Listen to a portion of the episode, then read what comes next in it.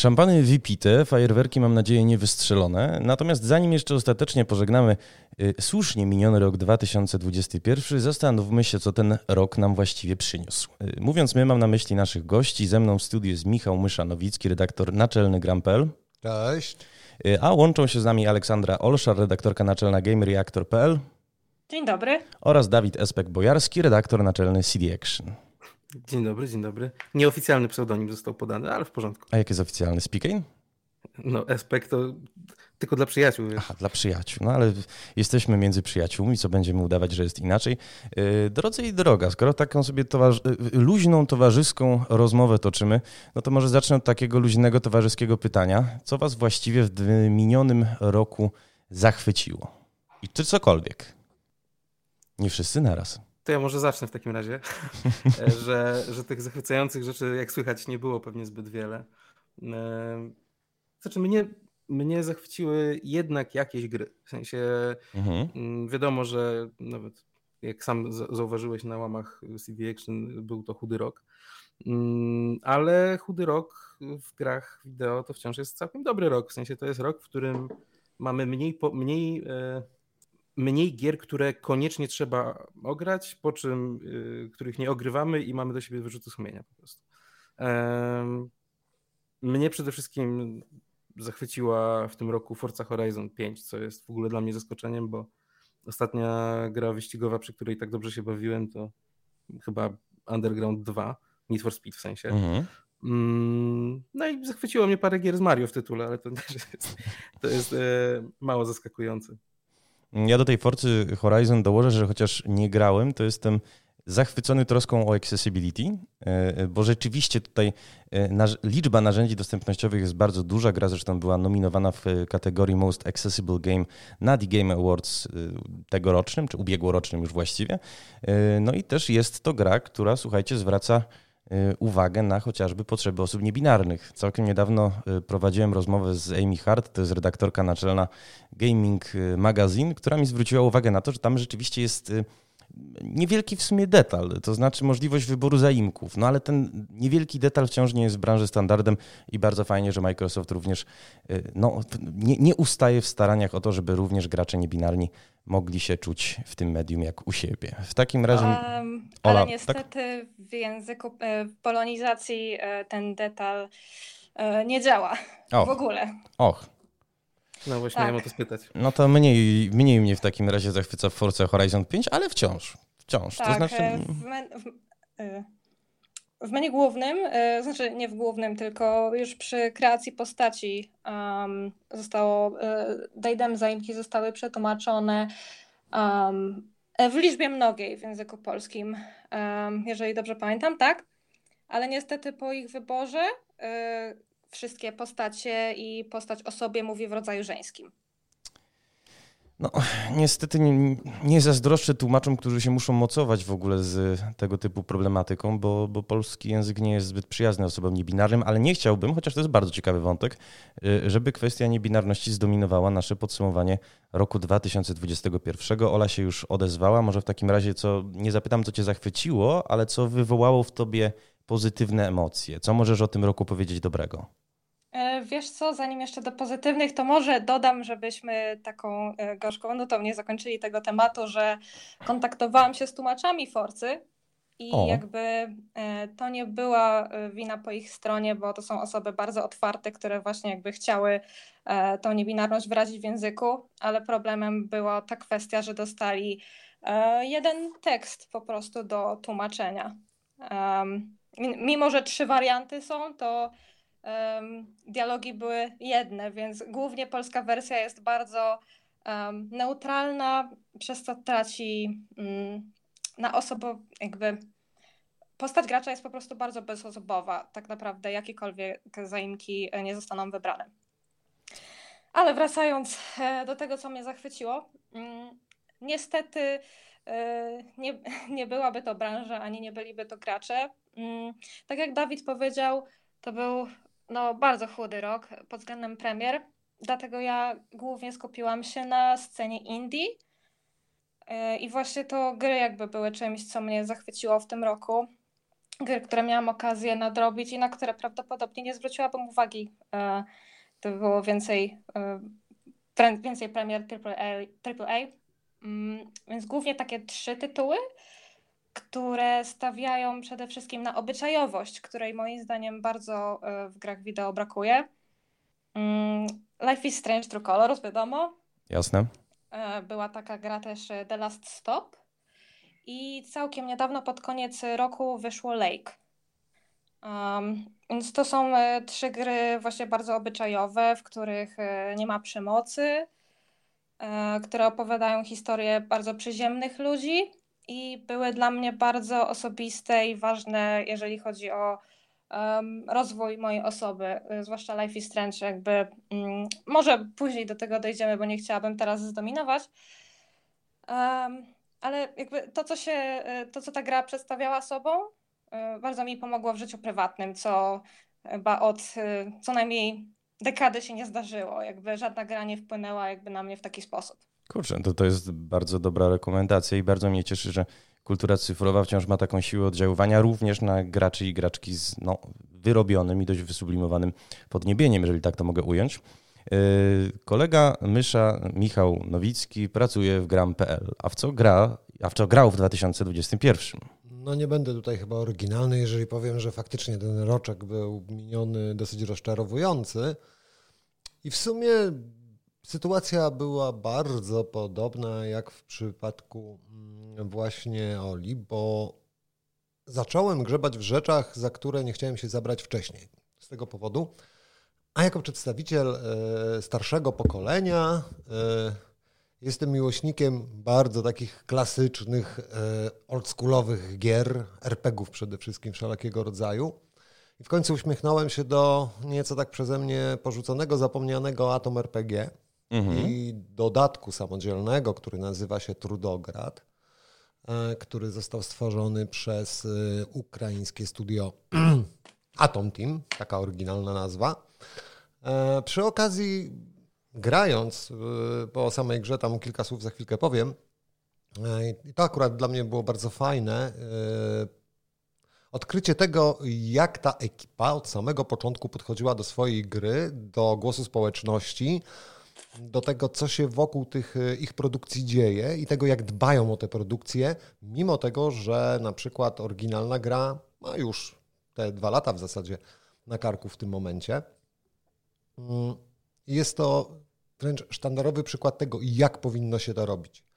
Po co gra powinna trafiać właśnie do wczesnego dostępu, dlaczego powinna być udostępniana fanom i w jaki sposób głos tej społeczności wykorzystać w sposób y, kreatywny po pierwsze, a po drugie taki, który zaspokoi zarówno ambicje zespołu tworzącego grę, jak i sprawi przyjemność właśnie fanom.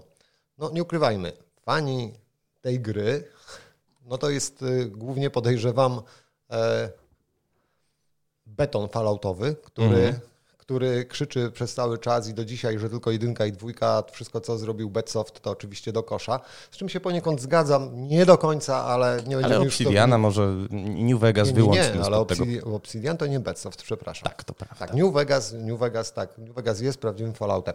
Potwierdzam to. Ale dobrze, nie, nie, bo to jest dyskusja, która będzie mogła trwać. tak, mogłaby iść. Dokładnie. Długo i długo. E, chodzi mi tutaj właśnie o nie nawet samą, same gry, bo one były fajne. Oczywiście to są gry bardzo przestarzałe, dosłownie. One nie są nawet oldschoolowe, one są po prostu przestarzałe z założenia. Mhm. Mają mechaniki takie sprzed 15 lat.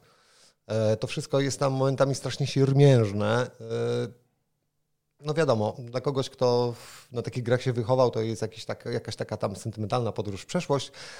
Dla no, no, współczesnych graczy to właśnie siermiężność totalna. Ma to swój urok, gry są rozbudowane, strasznie fajne.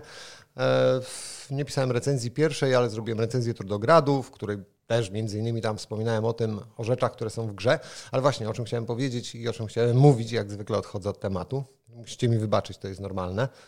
E, to właśnie całe to wsparcie teamu, e, który robił grę i tego, jak wsłuchuje się w głos społeczności. Bo ja tą grę, Trudograd przynajmniej, bo akurat samym Atomem, o samym Atomie dowiedziałem się troszeczkę później, więc nie miałem okazji śledzić e, tej gry od samego początku, od kiedy trafiła do wczesnego dostępu. w zasadzie każdego patcha, z ciekawości czystej, bo zauważyłem, że ludzie strasznie chwalą tą ekipę na forum Steamowym, e, że bierze pod uwagę właśnie głos społeczności, że wsłuchują się w to i rzeczywiście wprowadzają poprawki, które ludzie im sugerują.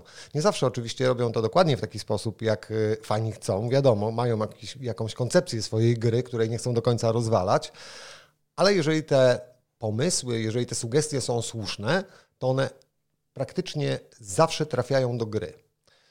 I to było naprawdę kurczę wspaniałe, bo ja sobie to czytałem i, i, i śledziłem po prostu każdy, kolej, każdy kolejny build, który się pojawiał i tak dalej. Wiadomo, zazwyczaj niszczył savey poprzednie, więc trzeba było wszystko zaczynać od nowa i tak dalej, i tak dalej.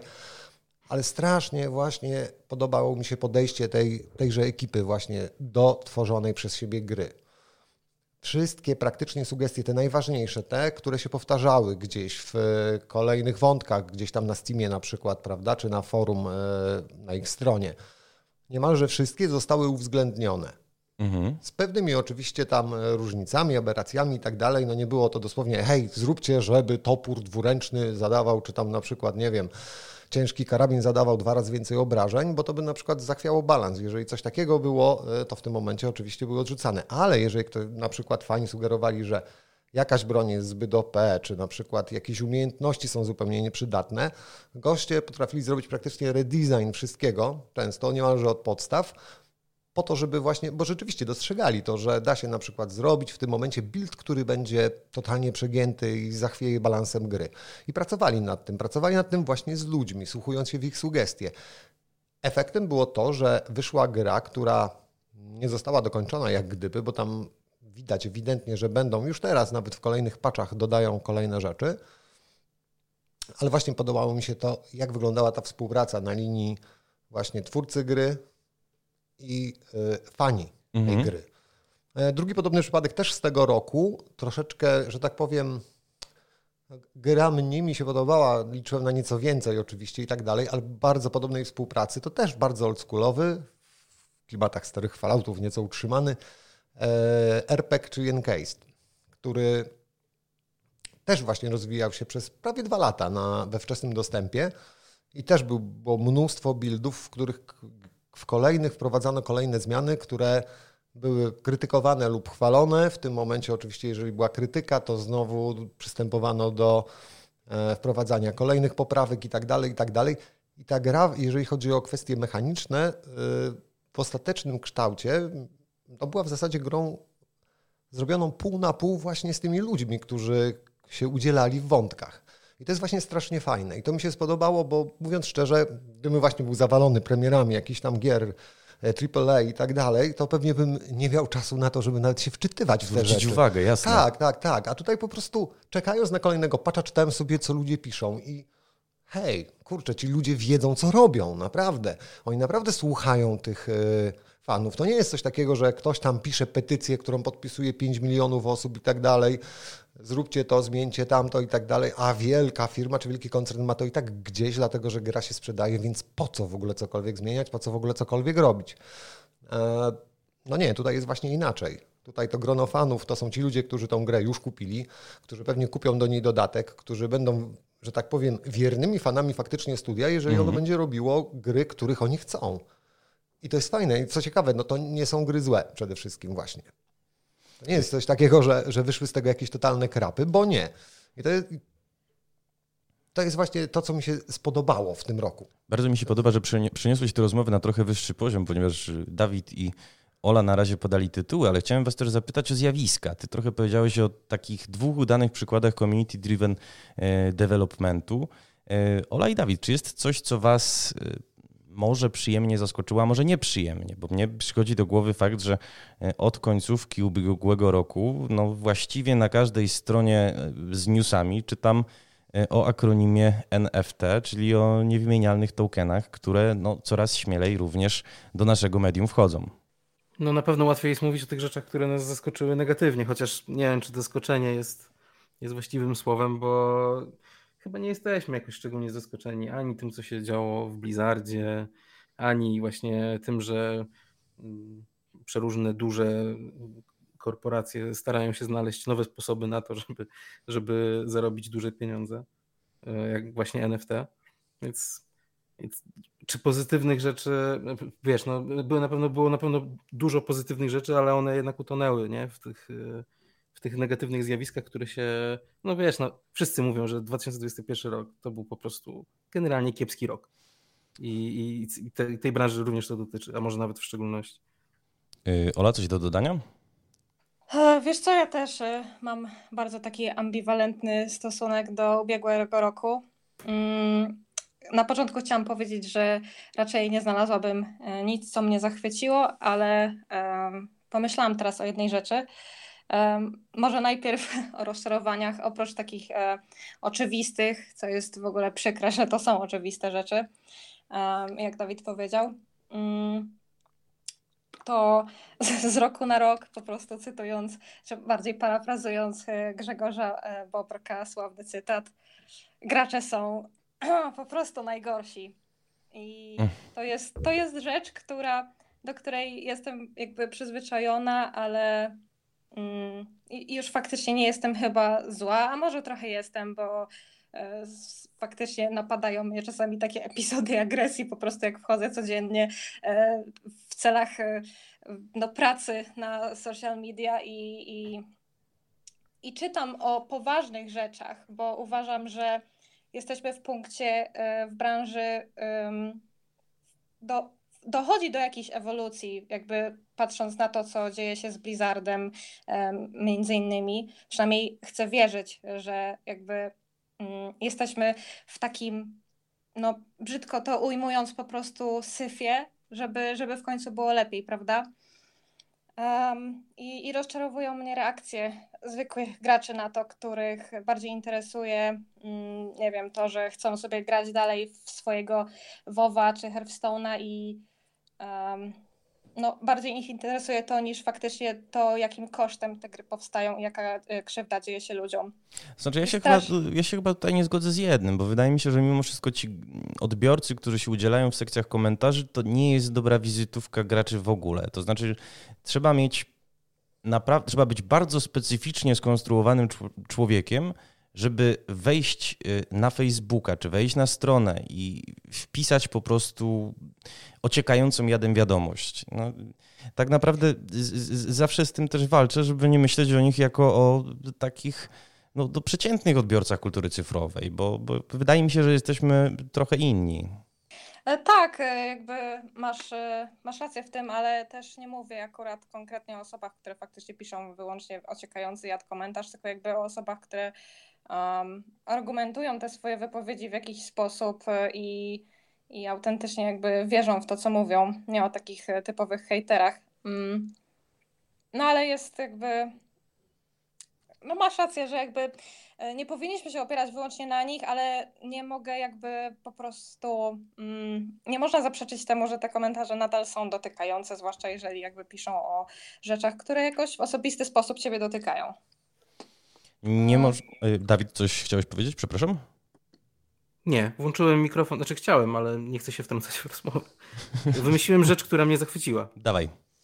Znaczy, nie, no, nie ukrywam, że byłem już wcześniej trochę zachwycony, ale no, pełnia zachwytu przyszła w tym roku. E, bo w związku z tym, że rzeczywiście tych wydań nowych, e, takich mega interesujących, takich, że trzeba koniecznie zagrać, było mniej. I dzięki temu odkryłem, jak wspaniały potrafi być Xbox Game Pass.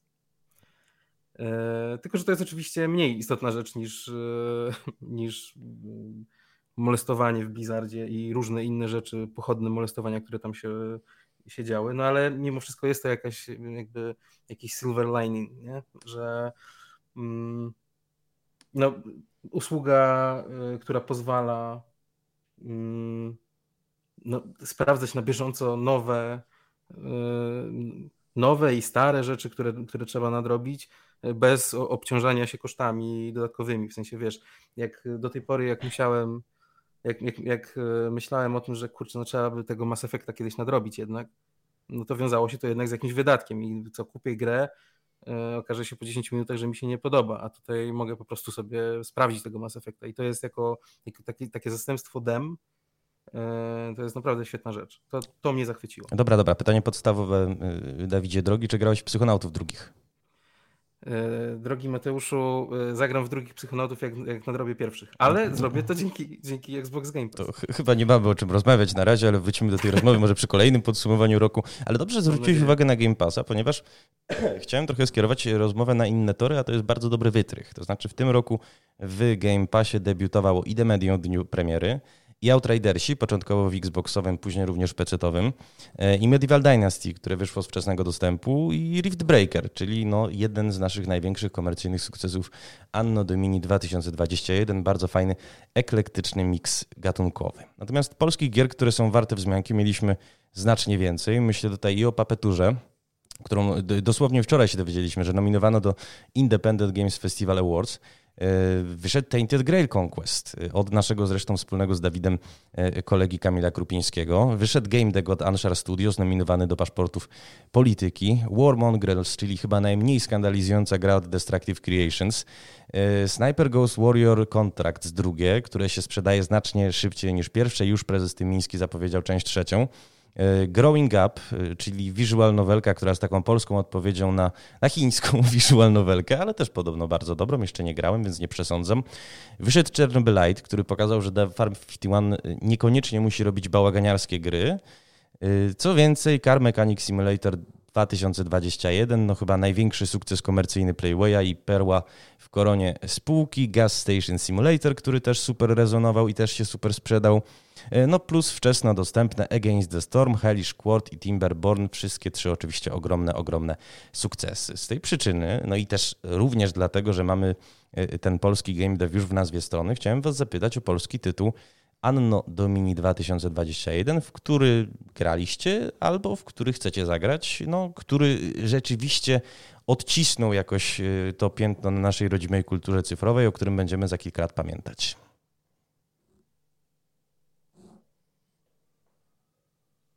Propozycji było dużo. Nie zgłasza, nikt się nie zgłasza do odpowiedzi, to może e, powiem. E, rzecz, której chyba nie wymieniłeś, ale to jest, to jest niewielka, jakby to są, to są twórcy niewielkich gier generalnie. Mhm. Myślę o e, zespole, który się nazywa Afterburn. Tak, I od Invento. Wydają... Invento, tak. E, no i przede wszystkim e, przyszedłem drugi raz Invento. Najpierw przyszedłem w zeszłym roku, chyba przyszedłem na na telefonie, a teraz wyszło na Xboxa i z przyjemnością przeszedłem to jeszcze raz na, na, na telewizorze. Nie jest to duża gra, wiadomo, nie, to nie jest tak, że, że zmieniła moje życie, ale z, z wielką przyjemnością gram w, w zasadzie w każdą ich kolejną produkcję, więc czekam na kolejne. Tak, to jest niewielkie studio, nawet ci powiem, że je tworzy małżeństwo de facto. Mhm. E, więc e, rzeczywiście raptem dwie osoby, ale dobra, to w takim razie wiem, że wedle naczelnego redaktora magazynu City Action. Polską grą roku jest y, port gry wydanej dwa lata wcześniej. Y, Mysza, czy możesz coś dołożyć? No na pewno. Jako zatwardziały stalker, y, no nie mogę nie wymienić tutaj Chernobylite. Gra, która mogła być dużo, dużo, dużo lepsza, ale i tak jest całkiem niezła i przyznam szczerze, że byłem właśnie zaskoczony bardzo pozytywnie jakością, tym bardziej, że była to produkcja dosyć ambitna, mówiąc szczerze, jak na tej wielkości zespół, z sporą liczbą różnego rodzaju mechanik. I co ciekawe, no Właśnie to jest przykład, za chwilę powiemy o game decku i ta gra ma dokładnie to samo. To jest po prostu przykład gry, która potrzebowałaby dużo większego budżetu i wtedy mogłaby zabłysnąć. Bo tym, co, mnie, to, co spodobało mi się, poza oczywiście samym nastrojem w grze, który jest świetny, jeżeli ktoś lubi tego typu rzeczy, to właśnie wyważenie tych mechanik, e, takie zdroworozsądkowe podejście do tej gry. Farmerzy się nigdzie tam nie przerzucili z niczym w zasadzie na dobrą sprawę, a gra naprawdę ma tam sporo różnych rzeczy, różnych mm. warstw i tak dalej. Nie jest taką prostą, zwykłą grą FPP, gdzie się tylko idzie i, że tak powiem, zalicza kolejne miejscóweczki e, zgodnie z jakąś liniową fabułką. Mm, I to wszystko tam gra. To jest właśnie najfajniejsze, że Naprawdę? Oni... Nie masz wrażenia, przepraszam, że ci wejdę w słowo, no. ale y, ja mam wrażenie, że właśnie im dalej w las y, czarnobylski, tym bardziej się ta gra pruje. To znaczy w pewnym momencie ja już, wiesz, miałem tyle zasobów, że właściwie byłem królem nie wiem, nie chcę mówić Midasem, może to zła analogia, ale mogłem faktycznie budować wszystko, co chciałem. Nie miałem już co budować tak naprawdę. Druga sprawa, po jakimś czasie ten zapowiadany szumnie czarny stalker, który się pojawia na ekranie w anturażu takim mm. rzeczywiście bardzo wymyślnym, a pada po dwóch seriach z karabinu. I wiesz, już w pewnym momencie czułem, że ona nie stanowi tak naprawdę dla mnie wyzwania, a pewne mechaniki mnie wręcz aktywnie irytują. Myślę tutaj na przykład o towarzyszach, którzy mogą zniknąć e, w więzieniu i musisz ich odbijać e, no właściwie w bliźniaczej misji, bo to jest jedna lokacja, trochę z inną no, miejscowanie wrogów. To się zgadza, oczywiście. Znaczy nie no, ale weźmy tutaj pod uwagę jedną rzecz. Ja mówię cały czas o tym, yy, o jak gdyby skali, prawda, ekipa versus pomysł i tak dalej. No to było 20 osób przez większość czasu, więc rzeczywiście to jest osiągnięcie. Właśnie o to chodzi. Ja naprawdę nie podejrzewałem, że to wszystko tam aż tak dobrze zagra i dlatego ta gra mi się strasznie spodobała. Bałem się, że będzie to po prostu no, totalny wypadek przy pracy, absolutny mhm. i generalnie to wszystko zostanie położone właśnie dlatego, że zaczęli łapać zbyt wiele srok za ogon. A mają do tego tendencję. Nie wiem, czy w Get Even grałeś. Mm, tak thrillero, horroro, szpiegowsko, nie wiem co. Gameplayowo też bałagan. Mają. Tak. Także fajnie. Że... Mają, mają. A tutaj, tutaj to wszystko naprawdę było tak jak mówię, wyważone. No ja oczywiście wiem, że nie idealnie i tak dalej, ale właśnie bierzmy pod uwagę, że to nie jest ekipa 200 czy 300 osób, gdzie powiedzmy 30 odpowiada za balans rozgrywki tylko i wyłącznie i tym się zajmuje i testuje go i sprawdza pewne rzeczy i tak dalej, i tak dalej. Przechodzi grę po, raz, grę po raz setny, tysięczny, żeby sprawdzić, czy przy jakichś tam kombinacjach, prawda, nie, nie będziemy mieli właśnie efektu właśnie overpower czy czegoś takiego. Mhm. Mm. Więc uważam ją za bardzo udaną. I właśnie to mi się spodobało, że zrobili projekt ambitny, ale na miarę swoich możliwości. Że nie przerzucili się aż tak strasznie. Bo ja się tego najbardziej bałem, po prostu, że będą robili rzeczy, z którymi sobie potem zupełnie nie poradzą i absolutnie i albo wytną je na siłę i będzie widać chamskie dziury, mhm. aż takich dziur tam właśnie nie było widać, co mnie bardzo ucieszyło, albo po prostu te mechaniki będą skopane do tego stopnia, że gra będzie niemalże niegrywalna. Ona jest grywalna, no owszem, nie jest idealna, wiadomo, no ale jeżeli będą nad nią pracować tak jak chociażby Atom Team nad Atom RPG, który do dzisiaj dostaje pacze, mhm. do dzisiaj dostaje nową zawartość i tak dalej, cały czas przy tej grze dłubią. Jeżeli ktoś zgłasza, że nie wiem, stworzył build potwora jakiegoś i tak dalej, bo mu się udało, to w tym momencie gdzieś tam już leci jakiś nerfik, tego typu rzeczy i to w grze single player, która mhm. w ogóle mhm. nie ma żadnego multi, prawda? E, żeby tak wszyscy o swoje produkcje dbali właśnie jak chociażby właśnie Ukraińcy, to byłoby świetnie. E, Druga sprawa to właśnie game deck, mhm. w, który, w którego przypadku mam dokładnie, e, że tak powiem, podobne odczucia. To znaczy w przypadku game decka widać, nie wiem, ja przynajmniej takie miałem odczucie od samego początku, że jest to gra przede wszystkim niedokończona. E, tak mniej więcej przez e, połowę, może dwie trzecie, ma się wrażenie, że jeszcze bardzo dużo jest przed nami. Tak. To jest dopiero początek, że my się w to wszystko wkręcamy, po czym nagle następuje takie ciach i lecimy z górki tunelem w zasadzie.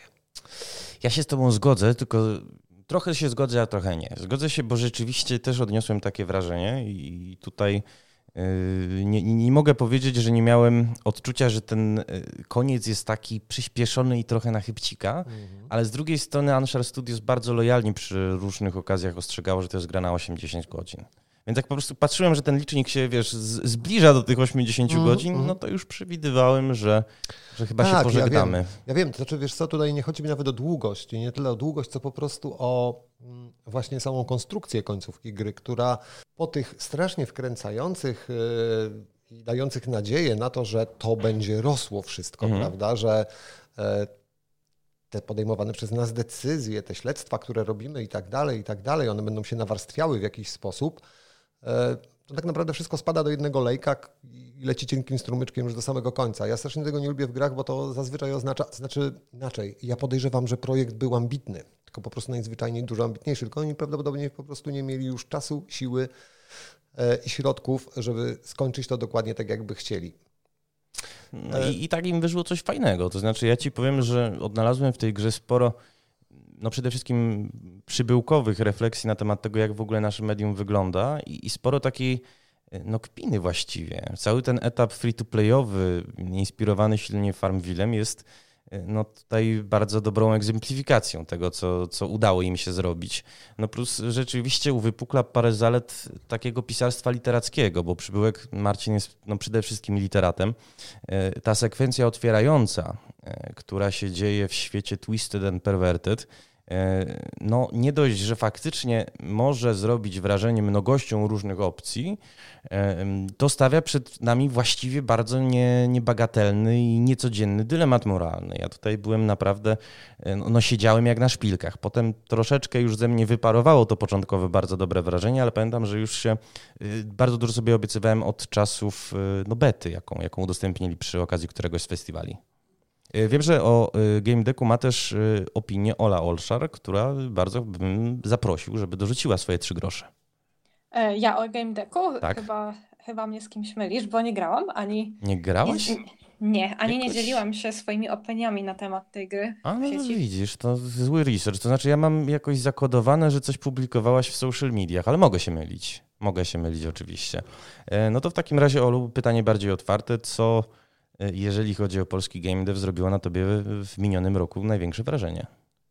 E, wstyd się przyznać, ale chyba poza medium um, nie, in, Invento, które bardzo lubię, e, to ominęły mnie, e, ominęła mnie większość tytułów, ani nie dostawałam ich do recenzji, ani nie grałam prywatnie, natomiast przypomniałeś mi, że muszę koniecznie nadrobić Growing Up i myślę, że to jest coś, co mi się zachwyci, co mi się spodoba co Ci się spodoba. No też mam taką nadzieję. Zresztą pozdrawiamy ekipę Wild Monarch. E, drodzy i droga, ponieważ już w takim razie no, przez surówkę żeśmy przeszli, no to może pora na, na troszkę mięska. Chciałbym przypomnieć w ogóle naszym odbiorcom wydarzenia, jakie się miały jakie się rozgrywały w ogóle na przestrzeni ostatnich 12 miesięcy w polskim game devie i może króciutko je też z Wami omówić. Oczywiście nie musimy omawiać wszystkich, natomiast jeżeli coś przykuje Waszą uwagę i chcielibyście skomentować, bo zebrałem sobie tutaj taką listę, zresztą Mysza widzi, że nawet ma ona sporo kartek. Owszem ma. Owszem ma, no to oczywiście rad będę z Wami podyskutować. Y, zacznijmy w takim razie no, chronologicznie pierwszego miesiąca, y, stycznia. Y, w styczniu się dowiedzieliśmy, że polskie gry się znalazły wśród najlepszych tytułów według Metacritica, to jest według recenzentów. Szczególnie wyróżniały się Super Hot Mind Control Delete, Project Warlock, Observer System Redux, Port Ruinera oraz, no tutaj bez zaskoczenia, Cyberpunk 2077. Również w styczniu dowiedzieliśmy się, że Paweł Selinger, a więc techlandowy dyrektor artystyczny, scenarzysta i designer w jednej osobie, zdecydował się zakończyć ze studiem współpracę. Po raptem 22 latach odnajdzie się on wkrótce w zespole Pixel Games. A skoro już o Cyberpunku, o którym wspomniałem w kontekście Metakrytyka, to styczeń był bardzo obfity w wydarzenia, e, bo dowiedzieliśmy się, że CD, Projekt się będzie musiał zmierzyć z pozwami zbiorowymi. Do firmy wkroczył Urząd Ochrony Konkurencji i Konsumenta. Marcin Iwiński publicznie się pokajał i pokazał tutaj, biorę w duży cudzysłów, mapę drogową. E, Jason Schreier opublikował reportaż, wyjątkowo zresztą wtórny, jeśli mogę dodać. Polemikę z dziennikarzem podjął y, zresztą Adam Badowski. Pojawiła się pierwsza duża łatka do cyberpunka oraz łatka naprawiająca tamtą łatkę, by chwilę później, y, chwilę później dowiedzieliśmy się z kolei, że firma kasuje moda, który pozwalał na seks z Keanu Reevesem. Y, dowiedzieliśmy się także, że Platysz Image zajmie się mm, produkcją gier. Na paszportach polityki triumfowało Different Tales, a więc autorzy Werewolf the Apocalypse, Heart of the Forest, E, The Medium zadebiutowało i podzieliło natychmiast krytyków, bo się pojawiły i dziesiątki, i wstydliwe trójki. E, wkrótce się okazało, tutaj mieliśmy na polskim poletku taki mały skandal, że twórcy zaszli w bildzie odniesienia do sytuacji bieżącej, a więc 8 gwiazdek i bestie z Wadowic. Studio mm, usunęło te ozdoby wkrótce później, e, ozdoby w cudzysłowie, i publicznie podkreśliło, że w politykę się nie bawi. Ponadto ukazał się Green Hell Spirits of Amazonia, a właściwie jedna trzecia tegoż dodatku i pendrive, pendrive znaleziony w trawie, a więc nowa gra Marcina Borka Borkowskiego. Co Was w styczniu najbardziej elektryzowało? CD Projekt, Urząd Ochrony Konkurencji i Konsumenta. No słuchajcie, nie mogę Wam podpowiadać w ten sposób, ale to jest naprawdę wdzięczny temat, o którym byśmy mogli pomówić, no bo mieliśmy faktycznie premierę grudniową, nagle na giełdzie no po prostu szał. To znaczy jasne, że kurs jest zawsze ubierany pod premierę, ale to po prostu było tąpnięcie. Gra usunięta z PS Store. Nie wiem, czy to się działo w styczniu, czy później. Mam to gdzieś w notatkach. I rzeczywiście robi się z tego no właściwie e, no, jakiś bardzo nieprzyjemny epizod, który zaczyna rzutować być może nawet na cały polski game dev, bo bo rykoszetem na New Connect i GPW y, oberwali wszyscy, y, a na pewno rzutować na reputację dotychczas krystaliczną CD Projektu. No wiesz, no w zasadzie najważniejsze rzeczy powiedziałeś sam, nie? To jest tak, że y, to jest jakaś poważna rysa na jednym z filarów jednak polskiego game i nie chciałbym teraz być w skórze takiego Techlandu, który, który jest traktowany w tej chwili trochę jak ostatni wybawiciel, nie? Bo wiesz, tylko że CD Projekt, myślę, że się zgodzimy co do tego, że CD Projekt się z tego wykaraska. Oni, wiesz, zrobią, zrobią Wiedźmina 4, e, załatają to, co się da załatać w cyberpunku, e, no bo pewnie też zgodzimy się co do tego, że tak do końca to tej gry się naprawić nie da, ale jest tam bardzo dużo dobrej gry, którą być może da się doprowadzić do, do, do stanu używalności. No tak, ale i, i wiesz, no jakby wizerunkowo mocno na, na pewno na tym stracili, ale wydaje mi się, że to nie jest nic, czego nie, nie są w stanie odrobić. Dawid Bojarski twierdzi, że CD Projekt się z tego wykaraska, czy Ola Olszar, Ola Olszar taką diagnozę potwierdzi? E, tak, niestety potwierdzam jego diagnozę. Um, tak jak no w zasadzie powiedziałeś, jakby wszystko, co było najważniejsze w tych kwestiach, natomiast e, przerażające jest to, że mówimy o tym styczeń, rok później, a, a w zasadzie nic się nie zmieniło do tej pory, jeżeli chodzi o naprawienie tego cyber, cyberpunka, więc zastanawiam się, kiedy akurat nastąpi ten moment, e, kiedy CD Projekt się z tego wykaraska. No wiecie, mnie się też wydaje, że ta gra ma dalej potencjał wielomilionowy, jak chodzi o sprzedaż. Też jak chyba wszyscy czekam jak na szpilkach w oczekiwaniu na patch no, next genowy, czy tam current genowy, bo tutaj już chyba powinniśmy używać tego nazewnictwa.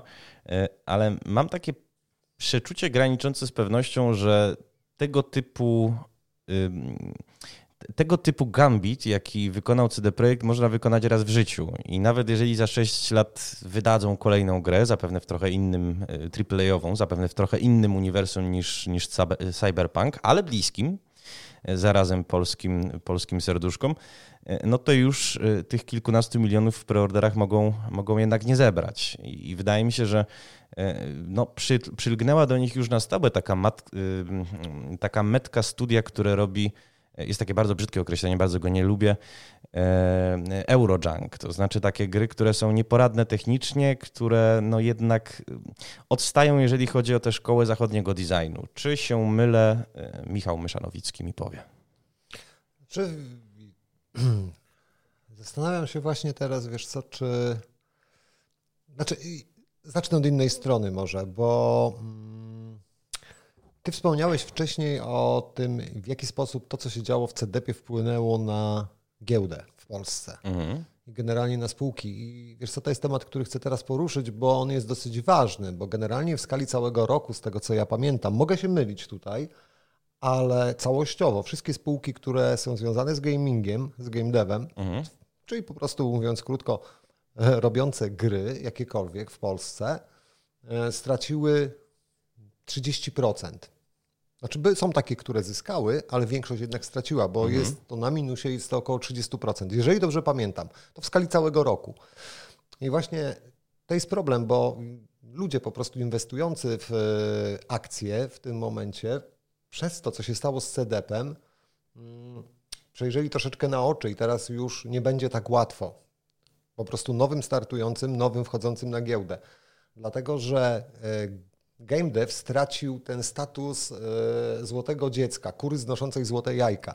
Okazało się, że przez jedną wtopę, jedną, dosłownie jedną, nie mhm. jakiś szereg e, problemów gdzieś tam i tak dalej, tylko przez jedną grę, która po prostu została wydana, nieukończona, e, w tym momencie bardzo potężna spółka, której akcje były jednymi z najdroższych na polskiej giełdzie, nagle może zaliczyć bardzo poważny spadek. No nie taki katastrofalny, prawda? A, znaczy, no, oczywiście dla tych, którzy zainwestowali w te akcje gdzieś w okolicach górki, to rzeczywiście mogła to być jakaś tam katastrofa, yy, ale w, momencie, w tym momencie po prostu odbiło się to właśnie echem na całej giełdzie i poleciało po wszystkich właśnie spółkach, a przede wszystkim właśnie, że tak powiem, nadszarpnęło zaufanie ludzi inwestujących w akcje do spółek yy, gamingowych tych, które po prostu gry wydają, bo okazało się, że można w tym momencie przez właśnie jeden błąd bardzo dużo stracić. Znaczy, ja bym się nie zgodził z jedną z Twoich diagnoz. Wydaje mi się, że CD Projekt mimo wszystko to nie była. To, to, nie był jedyny zwiastun tego, że, że game dev już złotym cielcem warszawskiej giełdy nie będzie. E, no bo jak wspomniałeś, na Wig Games, czy może szerzej w ogóle, spółki zajmujące się grami straciły w 2021 bardzo często po kilkanaście procent. No ale to wynika trochę też z porażek takiego mniejszego kalibru. No, zwróć uwagę na to, że E, chociażby straciło Baked Games, twórcy Prison Simulatora, którzy sprzedali się nieźle, natomiast oczekiwania rynku były e, bardzo rozbudzone przez no, podobnego, jeżeli chodzi o założenia mm, Gas Station Simulatora. Mieliśmy rzeź na akcjach Play to Chill po premierze Motorcycle Simulatora 2021 i kilka innych takich właściwie spółek spod parasola Playwaya, które no mówiąc kolokwialnie nie dowiozły, a może nawet dowiozły, ale nie tak bardzo jak się inwestorom wydawało, że dowieść mogą. Co więcej, trudno mi sobie nawet teraz przypomnieć debiut E, na, na New Connect czy na GPW, który by przebiegł dobrze. To znaczy, że, że, na IPO by się dało zarobić, no bo i Render Cube rozczarował, chociaż troszeczkę. Mocno rozczarowało Huge Games e, po paru dniach. E, no i właściwie wszystkie te.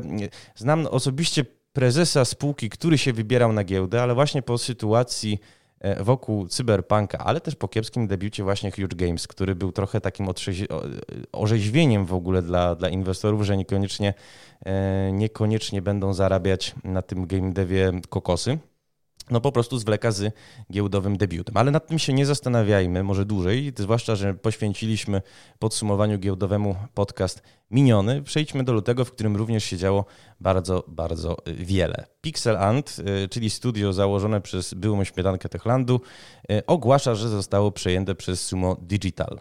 Y, Thomas Mahler, twórca Ori, pisze do CD Projektu, by po prostu K nie kłamali, a chwilę później stwierdza, że nawalił.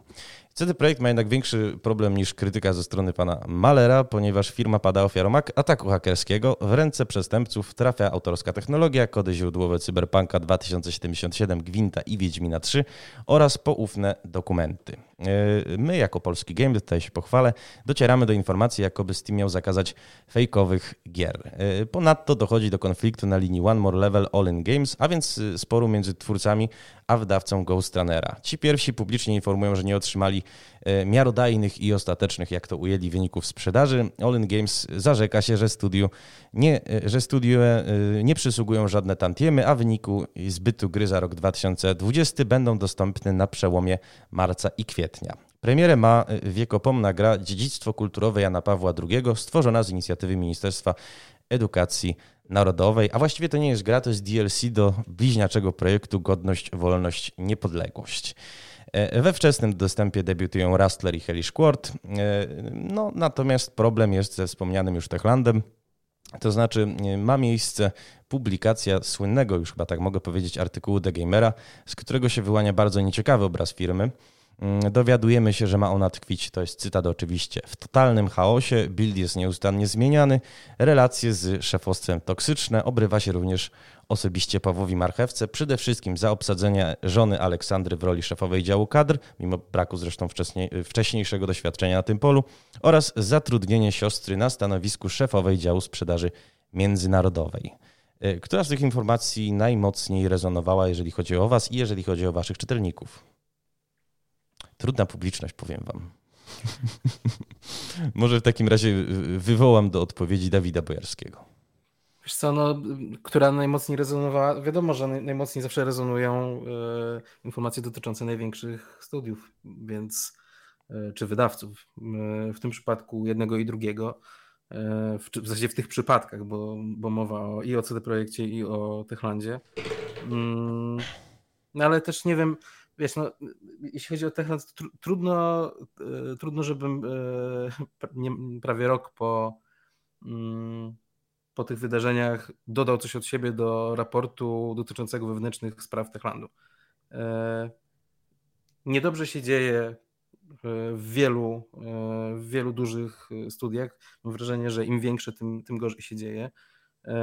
I i to w zasadzie, wiesz co, to, to nie chcę mówić też o samym Techlandzie, ale wiesz, no to, to, yy, to co się dzieje w Ubisoftie na przykład, nie wiem, czy, czy do, do tego przejdziemy, bo poruszasz tylko kwestie... Związane z mm, Polską? No, fakt to polski game. Związane z Polską, tak. Ale wiesz, ale problem jest, problem, ja wiem, że podajesz przykłady polskie, ale problem jest globalny i mam wrażenie, że w przypadku tych dużych firm to takich, jaką, jaką jest Techland i jaką jest CD Projekt, o którym przecież też wyciekały różne niefajne rzeczy, mm, tak, że te problemy są, nie, one nie są nie tylko globalne, ale że one dotyczą y, w zasadzie każdej dużej firmy, albo prawie każdej, tylko po prostu o jednych słyszymy, a o innych nie. I to jest, to jest dla mnie, jak nie, to jest dla mnie chyba najbardziej e, deprymujące jako, jako dla obserwatora branży gier, że no mam wrażenie, że jednak e, mocno się gdzieś na początku pogubiliśmy, e, a po drodze gubiliśmy się jeszcze 100 razy, nie? i że to jest, y, że to są mm, wielkie firmy, które są zorganizowane u podstaw w zły sposób. Wiecie co, a nie, nie, nie macie tego wrażenia, że jednak jest trochę immanentna w Polsce inna zła organizacja niż na Zachodzie? Bo zupełnie jak, jak czytam, bo czytuję oczywiście tego typu materiały, y, y, to zupełnie mi się inny obraz wyłania na przykład, nie wiem, Rocksteady czy ja wiem, Take Two, które no też przymuszają przecież do, do crunchu. Wiemy, że są tam praktyki, e, które no absolutnie nie powinny mieć miejsca. Czy o, Riot Games chociażby, też przykład świeży, no bo w końcu musieli odpłaci, zapłacić ugodę, e, żeby nie spotkać się z pracownicami w sądzie. A tymczasem czytając i też pisząc od czasu do czasu takie materiały o polskich studiach, mam wrażenie, że to jest trochę kwestia tego, że jako Polska żeśmy nie wyrośli z tych wczesnych lat 2000, gdzie to wszystko było tworzone na chybcika, na ślinę klejone i, i no nie do końca też było wiadomo skąd czerpać wzorce, jak rosnąć. No, problemem CD Projektu, co wielokrotnie jego pracownicy e, podkreślali, jest też trochę fakt, że doszło do e, multiplikacji stanowisk, do bałaganów dokumentacji, e, kurczowe trzymanie się własnej technologii, kiedy dostępna jest przecież zagraniczna, bardzo dobra, no też nie pomaga w ogóle w tworzeniu tytułu o zupełnie innej specyfice niż Wiedźmin. I no, no nie wiem, ja mam takie wrażenie, że ten nasz bałagan polski jest trochę inny niż bałagan na przykład brytyjski czy amerykański. No ja nie wiem, wiesz co, wydaje mi się, że możesz, tak, możesz mieć takie wrażenie ze względu na to, że jesteś bliżej tego wszystkiego, ale część tych rzeczy, które wymieniłeś, można odnieść do świętej pamięci, a w sumie już nie świętej pamięci, być może zmartwychwstałego Telltale. Przecież wiesz, wiesz, więc e, wydaje mi się, że no być może są jakieś, jakieś szczególne e, cechy dla, dla Polski, ale wiesz, no też mowa o dwóch przypadkach, nie? Czy tutaj, mm, no. tutaj, tutaj na pewno mhm. jedna kwestia jest ważna. Pamiętajmy o tym, że Polska przez bardzo, bardzo, bardzo długie lata e, żyła w nieco innym ustroju i po prostu na zachodzie kultura korporacyjna i same techniki zarządzania po prostu dużymi zespołami ludźmi, ludzi i tak dalej na komercyjnym rynku e, były rozwijane od dziesiątków lat. Znaczy, no u nas teraz już też, ale hmm. jest to okres znacznie krótszy. I po prostu gdzieś w mentalności, szczególnie tych ludzi, którzy wyrośli, którzy. No, sami wiemy przecież, że wielu uznanych twórców gier to byli ludzie, którzy handlowali na przykład na giełdzie i tak dalej, zaczynali, prawda, od dłubania, e, wywodzili się ze sceny, nie wiem, amigowej na przykład i tak dalej, i tak dalej. E, dłubali w tym, co było u nas dostępne i to wszystko było właśnie improwizowane, chałupnicze. E, nagle okazało się, że mają talent do robienia czegoś bardziej twórczego, skupili się na tym, to chwyciło, zaczęło się rozrastać i dopóki właśnie były to niemalże rodzinne albo kumplowskie projekty, to wszystko grało. W momencie, kiedy okazało się, że ludzi jest coraz więcej, trzeba zacząć to ogarniać, po prostu zaczęli się gubić. No kwestia tego po prostu, że u nas nie było i nadal brakuje w wielu firmach e, po prostu kadry, która jest wyszkolona w zarządzaniu tymi dużymi zespołami. No i wszystko działa tak, jak działało kiedyś. Jak, tak jak robili to w 15 w piwnicy czy w garażu, tak teraz robią w 1500 osób. No niestety bieganie z karteczką albo rzucanie się e, papierkami z notatkami i tak dalej przez pół sali już w tym momencie nie działa, prawda? No, z drugiej strony dobry bufet mają. Zjadłem tam kiedyś pierogi z kurkami. Bardzo fajne. A tak, jedzonko było. Tak, jedzonko, te, też było. Tak, okay. E, no to słuchajcie, pora się chyba połakomić na to, co się działo w marcu. E, I zaczniemy od wiadomości bardzo dobrej. E, mianowicie CD Action świętuje 25 urodziny. Mam nawet na to efekt dźwiękowy, tylko muszę podejść do konsoli. cichuteńkie oklaski, musiałbym chyba podgłośnić bardziej. Z kolei PSX Extreme i Pixel proszą o wsparcie na ramach serwisu Patronite. Dowiadujemy się, że Nowatek będzie, będzie adaptować Cyberpunka Michała Gołkowskiego. Twarzą projektu zostaje skądinąd nam wszystkim znany Tadzio Zieliński. Last from Beyond wychodzi i rozchodzi się w 30 tysiącach egzemplarzy w 3 dni. Gra nie może się bowiem ukazać na bardzo rentownych dla horroru rynkach chińskim i niemieckim. Ponadto dowiadujemy się, że dwie polskie gry mają szansę na Fryderyki. Myślę tutaj o soundtrackach do This is the Zodiac Speaking i Vampire the Masquerade Shadows of New York. E, Playway ma swój pierwszy tegoroczny hit, Mr. Prepper. E, wkrótce do puli dołącza drugi hit, a więc The Tenants. Ponadto powstaje w marcu Parasite, to jest krakowskie studio, na które się składają byli deweloperzy Bluebird Teamu i True Distance, którzy chcą tworzyć osadzone w baśniowych realiach gry premium indie. E, z kolei Silent Studio zapowiada komornika nieustraszonego, visual nowelkę, która ma być wstępem do dużego RPGa. Sprzedaż Cyberpunka 2077 leci na, leci na web na szyję. Analitycy DM Boś tną prognozy sprzedaży z 35 milionów w ciągu 12 miesięcy do raptem, w cudzysłowie dużym to słowo, 20 milionów y, no, również w ciągu 12 miesięcy. Na osłodę CD Projekt ogłasza nową strategię rozwoju, przewiduje zmianę, y, tu cytaty, zarządzania i środowiska pracy oraz podejścia do komunikacji z graczami. E, na użytek e, uniwersów Cyberpunka 2077 i Wiedźmina mają zostać powołane osobne interdyscyplinarne zespoły deweloperów e, i łącząca je międzyprojektowa grupa ekspertów. Spółka ponadto chce zapewnić swoim pracownikom komfort, otwartość i empowering. Ponadto mamy pierwszą, no chyba można to powiedzieć, taką porażkę sprzedażową dużego kalibru. Paradise Lost, myślę tutaj o grze Polyamorus, kusi co prawda demokratyczną ceną 35 zł, ale niewiele graczy do tego raju decyduje się zawitać. Przed premierą prezes Żygadło zarzekał się, że gra ma potencjał sprzedażowy rzędu tam 200 tysięcy w rok. Tymczasem w 4 dni od premiery rozchodzi się raptem 12 tysięcy kopii. E, All In Games sprzedaje prawa do Ghost Runnera, e, otrzymując w zamian 5 milionów euro. Carrion otrzymuje nagrodę BAFTA e, za najlepszy debiut. No i Polacy lądują w metakrytycznym ogonie rankingu najlepszych wydawców. Najwyżej się pojawia Cubic Games 35 miejsce, niżej jeszcze All In Games 39, Silesia Games 46, No Gravity 47 i Ultimate Games 48. E, Flying Wild Hawk z kolei zaprezentowało Space Punks, e, który wydaje się mieć w sobie trochę Diablo, trochę Borderlandsów, a trochę Strażników Galaktyki.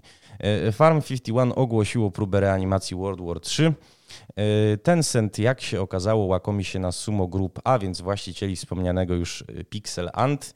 Zadebiutował Wiedźmin Pogromcy e, Potworów, no aczkolwiek był to debiut problematyczny. Na wielu urządzeniach się wyświetlały komunikaty o niekompatybilności. Część odbiorców narzekała na niemożność logowania. Superhot Team usunął z Superhota VR wszystkie sceny nawiązujące do samobójstwa i samookaleczenia. Po kilku opóźnieniach z wczesnego dostępu wyszedł Chernobylite. E, dowiedzieliśmy się też, że The Medium dostanie planszówkę, bo tak już o planszówkach żeśmy mówili trochę, bo, bo właściwie czemu nie. E, no i słuchajcie, może od razu przejdźmy do sierpnia, bo trochę wydarzenia nabrały tempa. E, Tencent, dowiedzieliśmy się, ruszył na kolejne zakupy. Do Urzędu Ochrony Konkurencji i Konsumentów wpłynął wniosek dotyczący przejęcia OneSea, a więc właściciela Q-Loka, Cenegi i Mowa. 11-bit Studios oficjalnie już zapowiedziało Frostpunka 2, ale rozgrywki, co jest znaczące, nie, nie, nie zaprezentowało.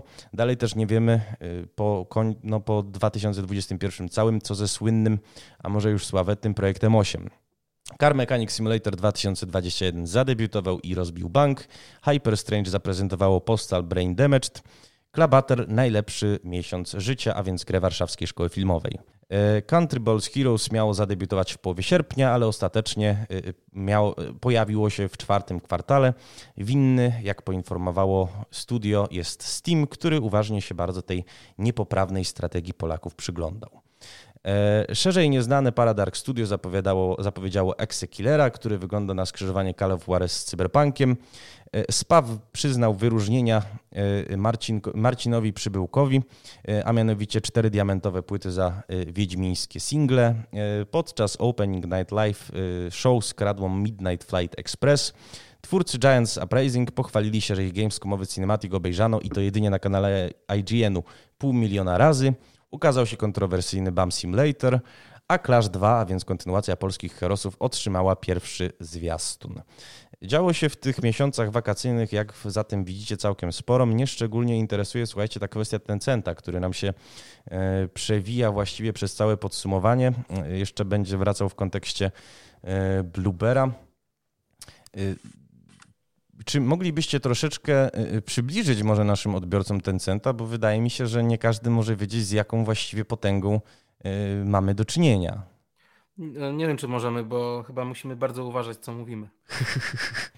W sensie to jest firma, która prawdopodobnie będzie w ciągu 10 lat posiadać nas, nas wszystkich, jak tak dalej pójdzie.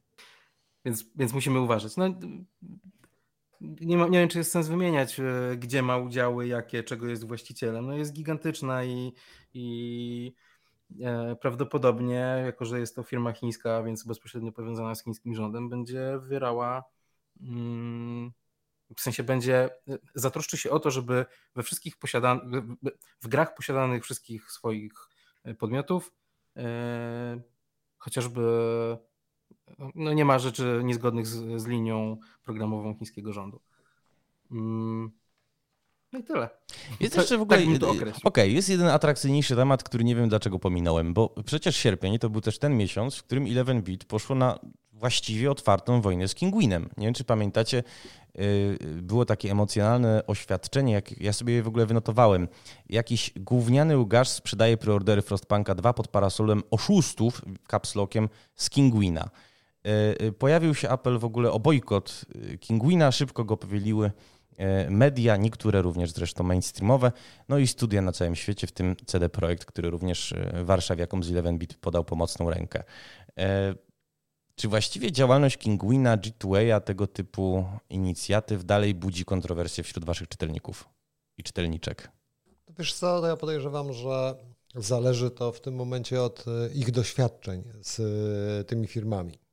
Tak naprawdę, bo ludzie już przyzwyczaili się, zresztą żyjemy w Polsce, w kraju, który, w którym piractwo zawsze osiągało e, wyżyny. Mhm. Wiem, chyba, tylko, chyba tylko właśnie e, kraje wschodnie, czyli Ukraina, Białoruś, Rosja i tak dalej, e, są w stanie nam dorównać pod tym względem.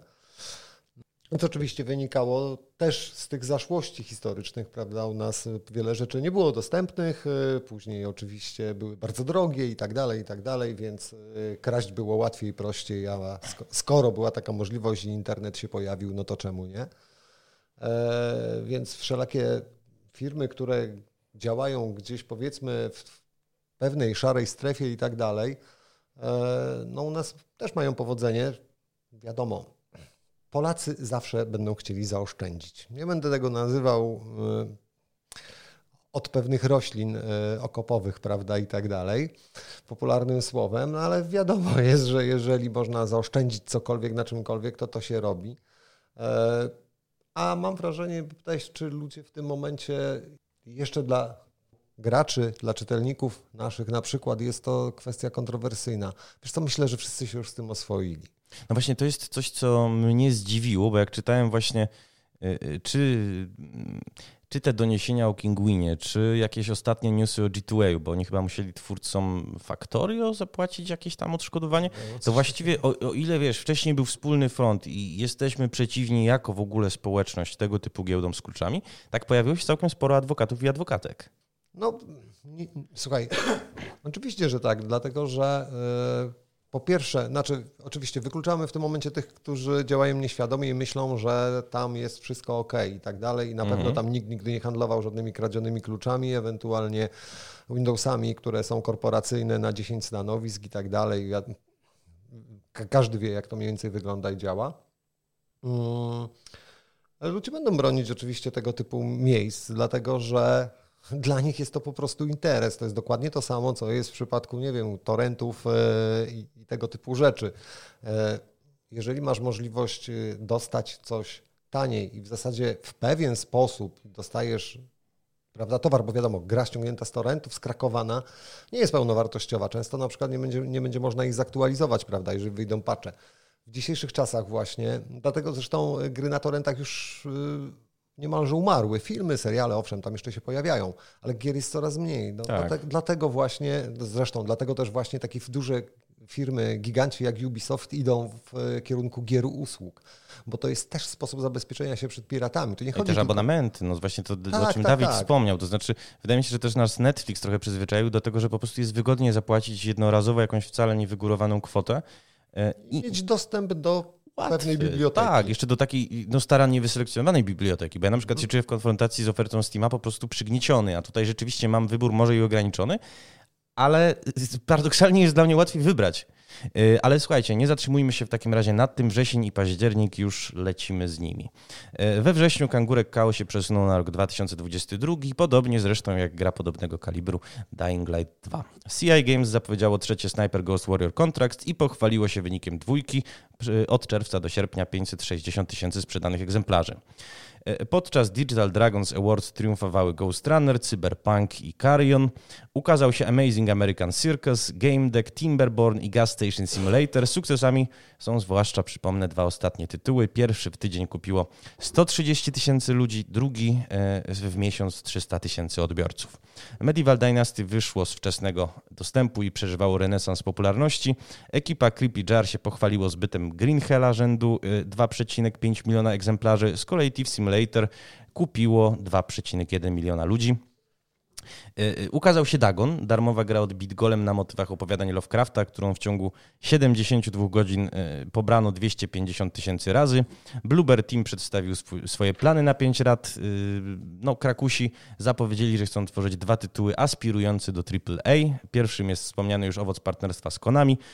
Drugim, no, coś, nie wiemy jeszcze co, co wyda Take-Two. E, w październiku CD Projekt ruszył z dziewczynami w grze, a więc programem wsparcia dla dziewczyn z małych miejscowości. E, ukazał się raport The Game Industry of Poland 2021. E, no badacze wyliczyli tutaj bardzo duże liczby, że mamy już w tym momencie 470 studiów działających w Polsce. Przychody krajowej branży sięgnęły 4,5 miliarda złotych. 600 premier ukazało się w roku 2020. Zatrudnienie w tymże roku w polskim game devie sięgnęło 12 tysięcy osób. Debiutował Sakabas, y, ach, połamię sobie język, erotyczny horror od autorów Agony. Y, Bluebird Team, no i tutaj wraca Tencent, y, padł ofiarą, no może nie wykupu, no, ale wykupiwszy 22% udziałów się Tencent stał największym udziałowcem studia. Polskie gry się pojawiły na targach EGX w Londynie. Podczas Pixel Awards Europe triumfowała Papetura w trzech kategoriach i The Medium w kategoriach dwóch. E, Zombie Driver, pochwalili się autorzy, sprzedał się w milionie kopii. Star Wars Industries zaprezentowało pierwszy zwiastun Invincible. E, Rift Breaker się e, ukazał, oczywiście również gigantyczny sukces. Miało miejsce rozdanie nagród SIGA, tradycyjnie triumfowali Polacy. Papetura niepozorna pokonała Cyberpunka w kategorii Visual Art. The Witcher Monster Slayer musiał ustąpić karciance z Litwy. The Medium przegrało starcie z Outriders. A tak swoją drogą to targi e, PGA i Game Industry Conference się okazały największą tego typu imprezą w Europie. Dowiedzieliśmy się na ich finiszu, że CD Projekt wykupuje twórców The Flame in the Float. E, Cooking Simulator świętował 700 tysięcy nabywców, a Shadow Warrior 3 przesunął się na rok przyszły.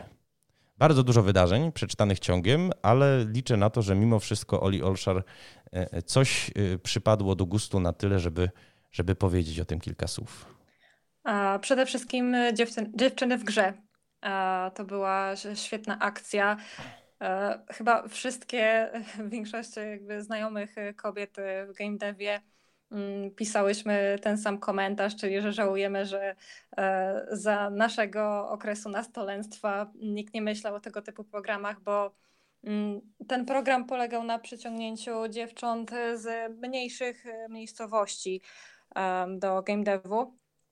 I jest to coś po prostu bardzo, bardzo potrzebnego, bo no jak wszyscy wiemy, jakby mm, dziewczyny od, odtrąca się po prostu od y, gier, tak? Jakby pokutuje cały czas takie przeświadczenie, że to jest męskie zajęcie um, i, i że powinny znaleźć sobie um, coś, coś bardziej w ich stylu. I generalnie jakby troszeczkę wracając do czerwca, bo w zasadzie o miesiącu do my nic nie powiedzieliśmy, Um, A, mówiliśmy, mówiliśmy. Znaczy, tak, tak, tak, e, wymieniałeś, ale nie skomentowaliśmy. Mhm. Um, podoba, mi, podoba mi się po prostu bardzo to, co w zeszłym roku polski game dev, e, nie, nie twój magazyn, tylko polski game dev ogólnie, e, robił właśnie z takimi mm, wydarzeniami. Wydaje mi się, że w stosunku do poprzednich lat zaczynamy bardzo mm, faktycznie przykładać się do takich ważnych spraw, jakby no jeżeli chodzi o czerwiec, nie kończy się już na zmianie logo na tęczowe, tylko e, powstają jakby realne akcje e, we współpracy, czy to z Repliką, czy z kampanią przeciw homofobii, które mm, po prostu e, rzeczywiście pomagają. I i y, nawet y, poza po prostu, tak? Bo dziewczyny w grze powstały w październiku. Y, GOG też ma bardzo dużo działań wewnątrzfirmowych, y, nie tylko jeżeli chodzi o społeczność LGBT, czy właśnie kobiety w game devie, ale też o osoby nie z niepełnosprawnościami, więc myślę, że zeszły rok bardzo pozytywnie mm, widzę po prostu pozytywne jakby zmiany, jeśli chodzi o czy to accessibility, czy o inkluzywność ogólnie. No, zwłaszcza, że niektórzy z polskich twórców, również CD Projekt, mieli przecież z tym w przeszłości problemy. E, drodzy i droga, lecimy w takim razie na listopad i grudzień i będziemy kończyć. E, w listopadzie Giants Abrasing, o proszę, mamy przerwę w takim razie na telefon. Nie mamy przerwy na telefon. Dziwne rzeczywiście. Giants Uprising się okazało komercyjnym fiaskiem. Y, po premierze Prison Simulatora stopniał kurs akcji Baked Games. Country Balls Heroes, mimo tych problemów zasygnalizowanych wcześniej, ostatecznie zadebiutowało. Chains of Fury ruszyło ze zbiórką na Kickstarterze. Y, House of the Dead y, remake opóźniło się na pierwszy kwartał przyszłego roku. People Can Fly przedstawiło Outriders New Horizon, a więc darmowe DLC, które ubogaca nieco endgame, zapowiedziało również studio płatny dodatek World Slayer. E, Cyberpunk 2077 został nominowany do dwóch statuetek The Game Awards e, dla najlepszego RPG i za najlepszy soundtrack, ale tym razem, tutaj spoiler, Redzi musieli się obejść smakiem. E, dziennikarze po raz pierwszy mogli ograć Dying Light 2, ich reakcje były krzepiące. Po premierze Motorcycle Mechanic Simulatora 2021 na akcjach Play to Chill odbywa się regularna rzeź. CI Games po raz pierwszy ogłasza, że prace na e, e, nie po raz pierwszy, przepraszam, ogłasza, że prace nad Lords of the Fallen przebiegają bardzo dobrze. Studio, tu się również dowiedzieliśmy, e, wydało już na grę 51 milionów złotych. Tejon za, zaanonsował Annihilation Line, a więc rozszerzenie do Terminatora. Zbyt Medieval Dynasty sięgnął 750 tysięcy sztuk. W grudniu One More Level pokazało The Ultimate DLC do Ghost Runnera. Playwell zapowiedział Illusion Lens, a więc budżetową odpowiedź na Monster Huntera. W nominacji do paszportów polityki brylowali Marcin Borek-Borkowski, Tomasz Ostafin, wielokrotnie już dzisiaj wspomniany, i ekipa Anshar Studios. Flying Wild Hawk pokazało wreszcie Evil Westa. Kroniki Myrtany zadebiutowały, generując ogromne zainteresowanie i zdobywając szybko miano moda roku. Ekipa z kolei, skądinąd znana, zaprezentowała Mighty No Friend, pierwszą grę będącą owocem partnerstwa e, youtuberów z Tibulem. E, wbrew wcześniejszym deklaracjom People Can Fly przejęło jednak polskie studio. Mowa o Inkuwo, które zasłynęło wcześniej VR-owymi portami Layers of Fear i Blair Witcha, obecnie z kolei dopieszcza VR-ową edycję Green Hella. E, w ramach ugody z amerykańskimi inwestorami CD Projekt wraz z ubezpieczycielem zdecydował się zapłacić 1,85 miliona dolarów z weselszych wieści dowiedzieliśmy się, że Ghost Runner e, no, rozszedł się już w nakładzie miliona sprzedanych kopii. MadMind Studio no, właściwie uskuteczniło ofensywę całą medialną, bo zapowiedziało w tym miesiącu RTS-a Agony Lords of Hell, Agony Unrated VR i pokazało arcybrutalnego Tormentora i tylko ciut mniej brutalnego Paranoida. Dowiedzieliśmy się również, że Dying Light 2 zadebiutuje w Niemczech w wersji ocenzurowanej, a Tainted Grail The Fall of Avalon przekształcił się w pierwszoosobowego RPG z otwartym światem. Y, co według Was miało największe znaczenie w listopadzie i w grudniu? Zresztą dla mnie na takim bardzo osobistym poziomie największe znaczenie miało to, że ukradziono nam e, nazwę Tormentor, bo przecież tak miał się nazywać prowadzony przez ciebie magazyn o Planescape Torment. Tak, to jest taki nasz stary redakcyjny żart, ponieważ ja rzeczywiście Tormentem bardzo się nie chcę mówić jarałem, bo to by było niedopowiedzenie. No, mam nawet tatuaż z Planescape Torment i bardzo wierzyłem w to, że Numenera okaże się godnym sukcesorem, a ponieważ Action wówczas stworzył różne takie swoje spin-offy typu właśnie Crafter o Minecrafcie, no to ja zaproponowałem, że może zrobimy o Tormencie Tormentora. Także no niestety zostało to, zostało to skradzione, ale może jakieś wydarzenie na przykład mocniej odcisnęło się wam w pamięci, może jest ważniejsze, może ten CD Projekt, który się zdecydował zapłacić ugodę, może pomówimy o Dying Light'cie, który e, przez, no nie pierwszy raz zresztą Techland ma, ma problemy z USK, więc no odpowiednikiem PEGI niemieckim. A... No wersja Dying Light to na Nintendo Switch y, w Niemczech chyba w ogóle y, Pierwszego. nie wyszła mhm. ostatecznie. Y, w wersji cyfrowej chyba nie była dostępna? Tak, chociaż w pudełkowej chyba. Da, zresztą nie, nie chcę skłamać. Może. Mnie w ogóle mm, jeszcze o tym nie, nie powiedziałem, ale w listopadzie się jeszcze wydarzyło coś, co ja uważam za bardzo ważne. To znaczy się pojawiło, słuchajcie, w umowie koalicyjnej między S, SPD Zielonymi i liberałami z FDP kilka takich podpunktów mocno związanych z game devem i to jest ciekawa sprawa, bo właściwie niemiecki e, rząd uznał, że game dev niemiecki, który jest mniejszy niż polski, co ciekawe, e, no jest jednak tą dziedziną gospodarki, którą na którą warto chuchać i, i dmuchać i rząd Olafa Schulza chce zwiększyć tę konkurencyjność branży e, rodzimej, co dla nas jest tak naprawdę wiadomością niezbyt dobrą, ze względu na to, że się E, kończą programy dotacyjne, jak chodzi o Polskę. Myślę tutaj o szybkiej ścieżce, GoToBrandzie i Gaminie. E, kolejnych tymczasem nie widać. No i właściwie nie widzę takiego systemowego namysłu nad tym, co game dev mógłby, e, jak game devowi można by pomóc w zwiększaniu jego konkurencyjności, jeżeli chodzi o Polskę. Głębokie westchnienia, niepewne spojrzenia. No dobrze, słuchajcie, nie będę was w takim razie męczył może o, o programy dotacyjne i o to, że nie ma nie ma e, za bardzo alternatywy dla nich, pomęczę was o co innego. Mam takiego prywatnego hopla na punkcie Kronik Mertany, co jest w ogóle ciekawe, bo ja nie lubię gotików, natomiast bardzo mi się podoba to, co ta ekipa zrobiła przez blisko 4 lata i to jest w ogóle ciekawy kazus tego, że po pierwsze mody mogą być rzeczywiście furtką do dużego game devu, bo tutaj sporo osób z ekipy później się zatrudniło, nie wiem, w bitach, w hogach, często prezentując to, co stworzyli na tym no niemal 20-letnim silniku na tej technologii e, od zera, jak obchodzili jej ograniczenia. E, I bardzo mnie cieszy rzeczywiście, że taki amatorski projekt został dostrzeżony w ogóle na całym świecie, no bo tutaj przede wszystkim on skusił graczy z Polski, ale również z Niemiec, również z Rosji. No i faktycznie pokazał to na tym plebiscycie, wygrywając, zdawałoby się, mocniejszymi markami, no bo ze Stalkerem, z modami do Stalkera, z modami do Half-Life'a, no jest to niewątpliwie osiągnięcie, o którym, o którym się mówi słusznie. Zresztą na okładce nowego wydania CD Action, ostatniego miesięcznego, z tego co widzę, jest właśnie Gothic e, Kroniki Myrtany.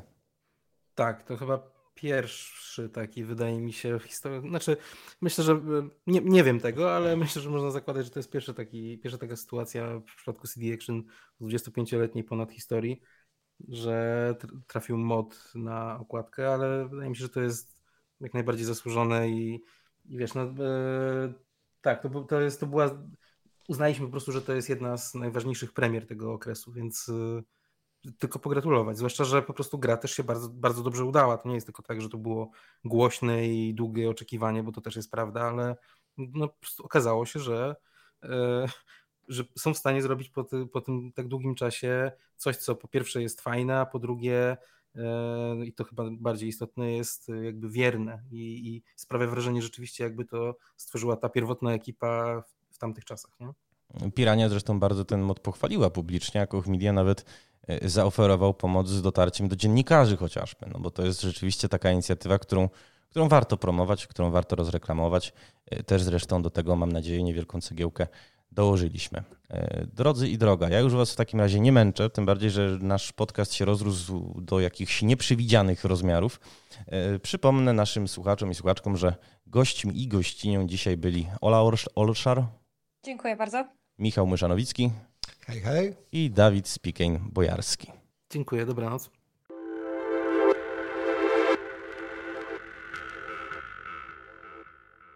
Podcastu wysłuchaliście dzięki wsparciu State of Poland, totalizatora sportowego i KGHM Polska Mieć SA.